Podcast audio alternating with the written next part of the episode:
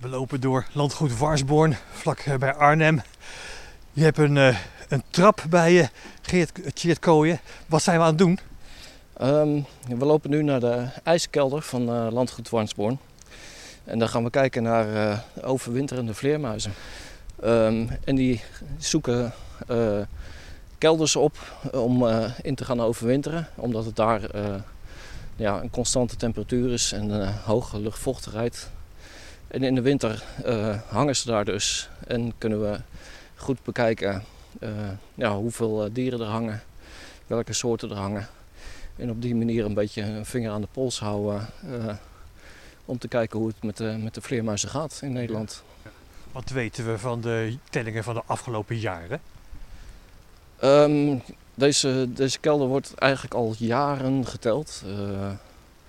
En uh, ja, dat schommelt altijd een klein beetje in de zin van uh, in een iets warmere winter uh, zitten er wat minder vleermuizen in, omdat een aantal vleermuizen dan in, in bomen blijft zitten.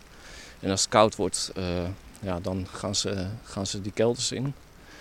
Um, in deze kelder ja, zitten altijd zo'n 50, 60 dieren um, en een aantal verschillende soorten. Dus uh, we zijn benieuwd wat het uh, vandaag weer op gaat leveren. Dat moet wel. Oh, ik zie, daar is de kelder. We zijn er bijna. We zijn er bijna. Dat moet wel heel voorzichtig, dat uh, tellen en ja, dat zo'n kelder binnengaan. Hè? Ja, precies. Er zijn altijd voorwaarden aan om te mogen tellen. in de zin van, we willen die vleermuizen zo min mogelijk verstoren. Want als ze wakker worden, kost dat ze energie. En nou ja, ze hebben die energie nodig om de, de winter door te komen. Um, dat houdt in dat we maar met een beperkt aantal mensen naar binnen mogen. Uh, altijd maar één keer in de winter. Uh, voorzichtig mogelijk tellen, zodat er zo min mogelijk dieren verstoord worden. Um, dat houdt in dat we zo meteen naar binnen gaan. Het is een ijskelder. er is eerst een smalle gang met een ja, grote ruimte waar voorheen het ijs van het landgoed in, in werd gestort. Eh, eigenlijk een soort eh, ja, eh, koelkast, ouderwetse koelkast. Maar die vleermuizen maken er dankbaar gebruik van. Ehm, Omdat het in die ijskelder een constante temperatuur is. Wat heeft een vleermuis nodig voor temperatuur en voor omstandigheden in de winter?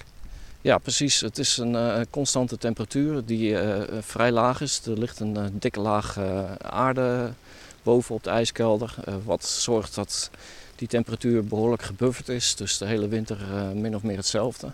Die vleermuizen die brengen hun temperatuur omlaag. Daarmee besparen ze energie. doordat die temperatuur laag blijft. eigenlijk zo ja, rond, rond de omgevingstemperatuur. Um, dus die buffering is heel erg belangrijk. Maar daarnaast ook de luchtvochtigheid.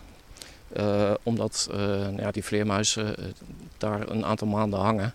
En als de luchtvochtigheid laag is, dan drogen de vleermuizen uit. Normaal is de ijskelder afgesloten. Jij mag er voor één keer per jaar in met trap, want we moeten een stukje, moeten een stukje naar beneden. Het is een beetje gaan regenen. Zullen we gewoon naar binnen gaan? Want daar is het vast droog. Kijken hoe het daar is. Ja.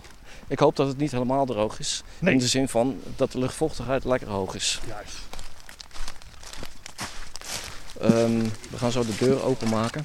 Maar we kijken eerst uh, ja, heel goed de deur na. Uh, vooral ook uh, de, de, kieren naast de deur en, en, de schenieren. Of er geen vleermuizen tussen zitten. Want nou ja, we willen dat natuurlijk geen schade aan de, aan de vleermuizen veroorzaken. Ik loop gewoon heel voorzichtig achter jullie aan. Is dat goed? Perfect. De vleermuiskelder. Ik heb geen idee. Ja, het handige is als jij achter het Jeert dan aanloopt. Want ja. dan, ja. Dat de deur open. We gaan nu voorzichtig naar binnen en uh, de laatste doet de deur weer achter zich dicht om de temperatuur uh, binnen niet te laten veranderen.